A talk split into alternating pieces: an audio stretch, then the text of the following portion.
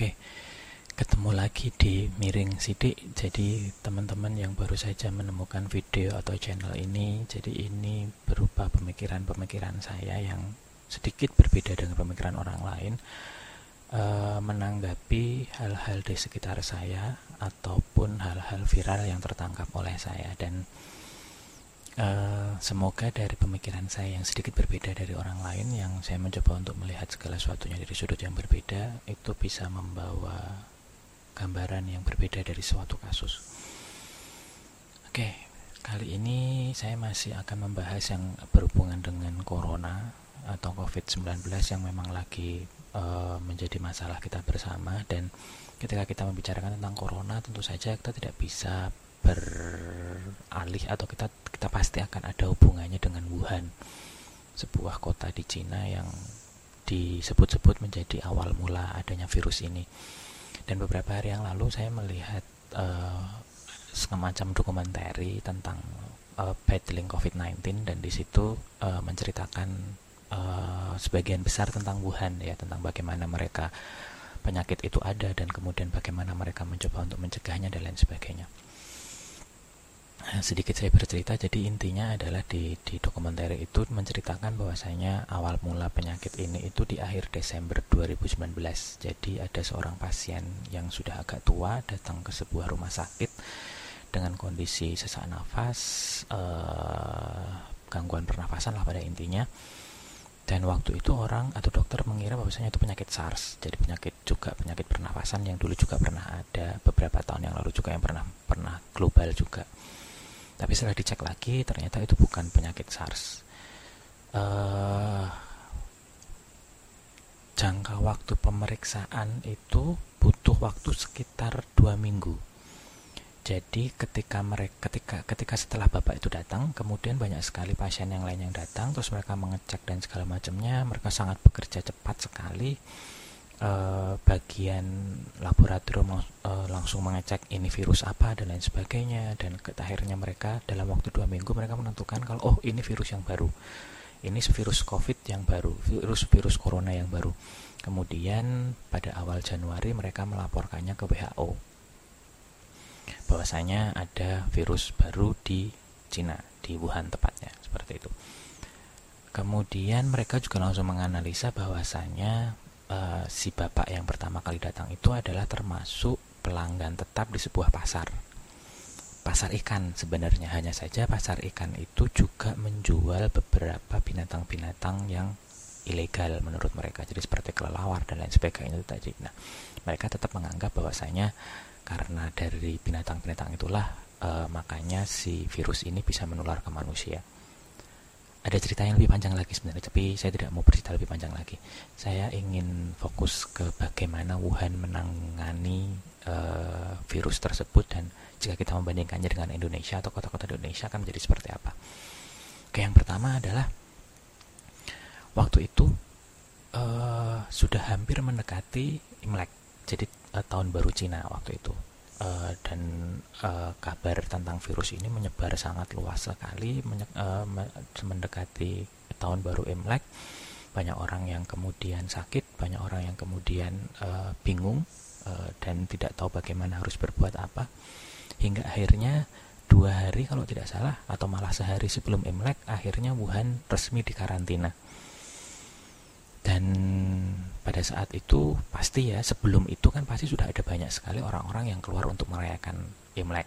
Nah mungkin itulah juga yang membuat uh, sebelum akhirnya di karantina itu tadi mereka sudah keluar untuk merayakan Imlek sebelumnya untuk sudah sudah pulang kampung duluan beberapa hari sebelum Imlek Imlek mungkin dan itulah mungkin yang membuat kenapa kok virus itu jadi cepat penyebarannya ke luar Wuhan waktu itu.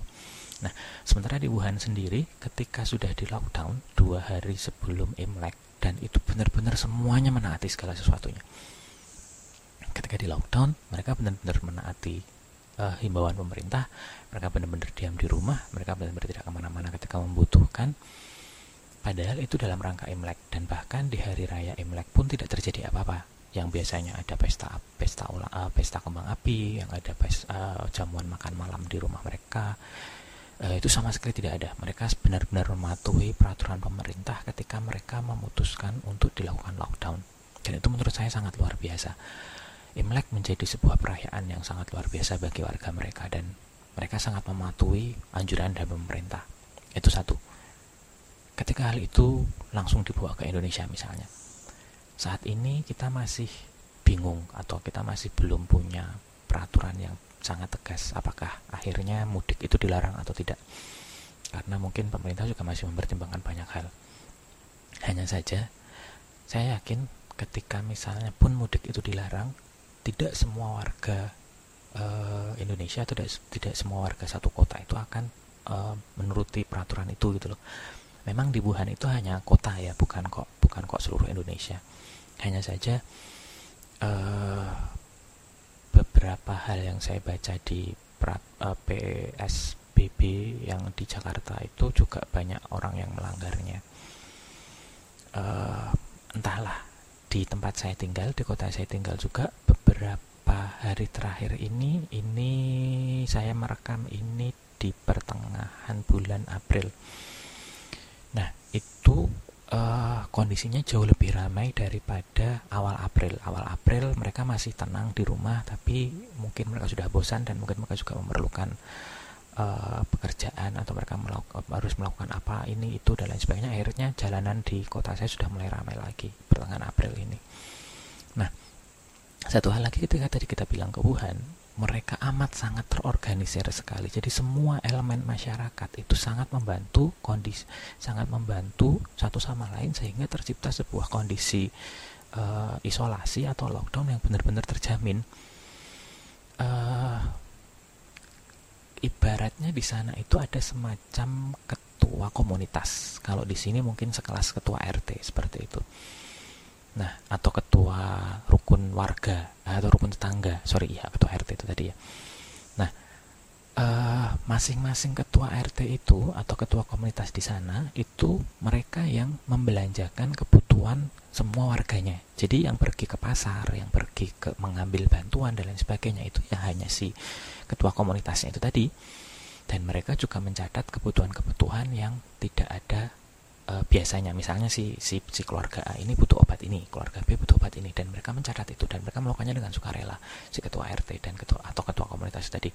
Kemudian mereka datang ke pusat bantuan. Memang mereka sudah menyiapkan semacam tempat untuk memberikan bantuan. Jadi bantuan itu akan diambil oleh si ketua komunitas itu tadi kemudian dibagikan kembali ke rumah-rumah yang bersangkutan ya dengan cara yang aman tentu saja. Dan mereka sangat tertib mereka sangat tertib menggunakan masker mereka sangat tertib menggunakan APD dan itu menurut saya sangat luar biasa. Nah kembali lagi ketika itu dilakukan di Indonesia entahlah kenapa atau di kota-kota di Indonesia bukannya saya tidak bangga dengan Indonesia ya tapi saya merasa itu kok sepertinya tidak akan terjadi dengan mudahnya gitu loh. E, beberapa hari kemarin saya keluar masih banyak orang yang tidak menggunakan masker walaupun himbauan pemerintah sudah mengharuskan mereka untuk menggunakan masker ketika di, berada di luar rumah. Dan baru tadi saya melihat di IG ada eh, mas-mas uh, yang ngamuk-ngamuk karena diingatkan untuk menggunakan masker oleh bapak-bapak yang nunggu komplek di rumah. Ngapain coba? Ya things like that lah hal-hal seperti itu yang membuat saya pesimis mungkin ketika ketika Indonesia harus diadakan lockdown kemudian apa yang akan terjadi kekacauan yang sangat luar biasa. Nah hal yang lain lagi adalah mau tidak mau teknologi mereka jauh lebih canggih daripada kita. Jadi bahkan mereka punya semacam mobil van, mobil van ya, mobil van, semacam truk trailer kayak gitu. Dan di dan di truk trailer itu benar-benar fungsi sebagai laboratorium yang kedap udara. Sehingga tidak ada virus yang bisa keluar masuk dari laboratorium itu gitu loh. Dan itu digunakan untuk melakukan Sementara di Indonesia, setahu saya, cek paling cepat itu dilakukan 2 kali 24 jam oleh rumah sakit yang cukup besar. Hal itulah yang membuat saya merasa bahwasanya keputusan untuk lockdown ketika dilakukan di Indonesia itu akan sangat berbahaya juga sih sebenarnya. Dan hal yang lain juga adalah uh, kita semua pasti tahu tentang bagaimana mereka membangun dua rumah sakit dalam waktu empat hari kalau tidak salah. Dan itu beneran dan itu resource yang sangat luar biasa dan mereka mereka mereka uh, uh, terakhir saya tahu bahwasanya ada ada pekerja kontraktornya itu yang digaji empat kali lipat kalau tidak salah. Empat kali lipat dari gaji mereka sebelumnya dan mereka gaji mereka biasanya. Tapi itu mereka tidak berhenti. Jadi mereka uh, hanya beristirahat hanya beristirahat jadi sistemnya mereka shift ya. Jadi setiap harinya mereka terus bekerja dan itu lagi yang membuat yang membuat segala sesuatunya itu menurut saya sangat-sangat luar biasa. Dan yang luar biasa lagi adalah kepedulian mereka terhadap sesama sangat-sangat tinggi.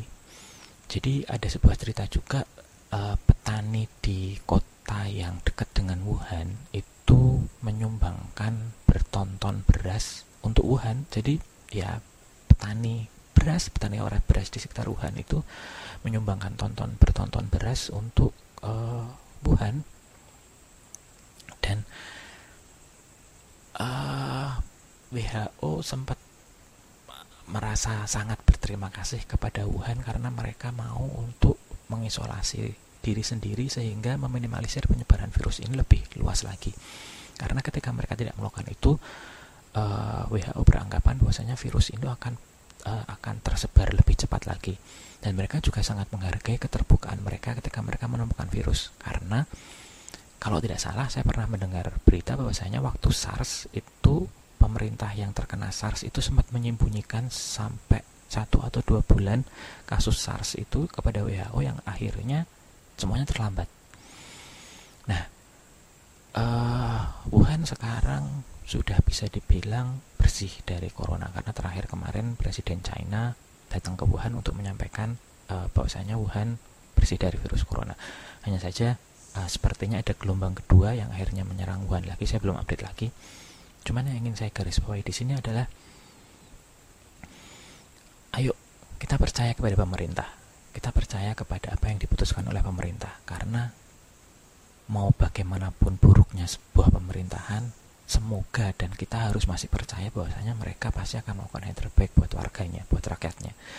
Kenapa? Karena kalau rakyat, rakyatnya tidak baik, rakyatnya tidak oke, okay, untuk sebuah pemerintahan ketika itu pemerintahan yang jelek ya, ya tidak akan ada yang bisa dimanfaatkan ya kan ketika sebuah negara itu hancur ya akhirnya mereka tidak akan bisa memanfaatkan apa pun itu ketika pemerintahan yang paling jelek saja jadi mereka pasti akan memikirkan berbagai cara biar sebuah warga, biar warganya itu tidak hancur nah ketika sebuah pemerintahan yang baik ya tentu saja memang mereka ingin yang terbaik buat warganya. Jadi pun itu pemerintahan yang baik atau pemerintahan yang buruk kita sebagai warga sepertinya tidak uh, perlu khawatir bahwasanya mereka akan memilihkan jalan yang salah buat kita. Sehingga uh, ketika pemerintah memutuskan A ya ayo kita turuti. Karena benar-benar uh, perbedaan di masing-masing negara itu sangat berbeda uh, ya seperti halnya tadi ketika misalnya sebuah kota di Jogja uh, sorry ketika misalnya di Jakarta misalnya diadakan lockdown saya tidak yakin bahwasanya lockdown itu akan sama imbasnya atau akan sama seperti yang terjadi ketika di Wuhan diadakan lockdown mungkin akan berhasil tapi entah kekacauan apa yang akan terjadi dan saya yakin pemerintah sudah melihat hal itu sehingga mereka memutuskan untuk tidak melakukan lockdown di kota-kota tersebut. Uh, kesempatan ini saya juga ingin berterima kasih juga kepada Wuhan dan ternyata memang sudah sangat-sangat luar biasa, uh, sudah sangat-sangat luar biasa apa yang sudah mereka lakukan untuk dunia, terutama mengenai tentang virus corona ini. Dan mari kita sama-sama berdoa semoga corona segera hilang dari dunia ini sehingga kita bisa beraktivitas dengan normal lagi. Oke, gitu saja teman-teman. Bagi teman-teman yang uh, punya pendapat lain atau punya cerita lain mungkin kita bisa berdiskusi di kolom komentar dan seperti yang sering saya sampaikan saya sangat menghargai tentang adanya perbedaan karena justru perbedaan itu menarik. Dan uh, yang membedakan kita antara satu dengan orang lain adalah bagaimana kita melihat sebuah perbedaan dan menyikapinya. Jadi mari silahkan berkomentar di kolom komentar sehingga kita bisa berdiskusi di sana. Dan bagi teman-teman yang belum subscribe tolong subscribe uh, semoga itu bisa uh, membuat saya menjadi lebih semangat lagi untuk menyampaikan apa yang saya pikirkan dan semoga itu juga bisa menjadi bahan ber, bahan apa ya bahan berpikir atau bahan ber uh, paling tidak untuk melihat segala sesuatunya menjadi menjadi menjadi berbeda lah. Oke, seperti itu saja. Terima kasih dan salam.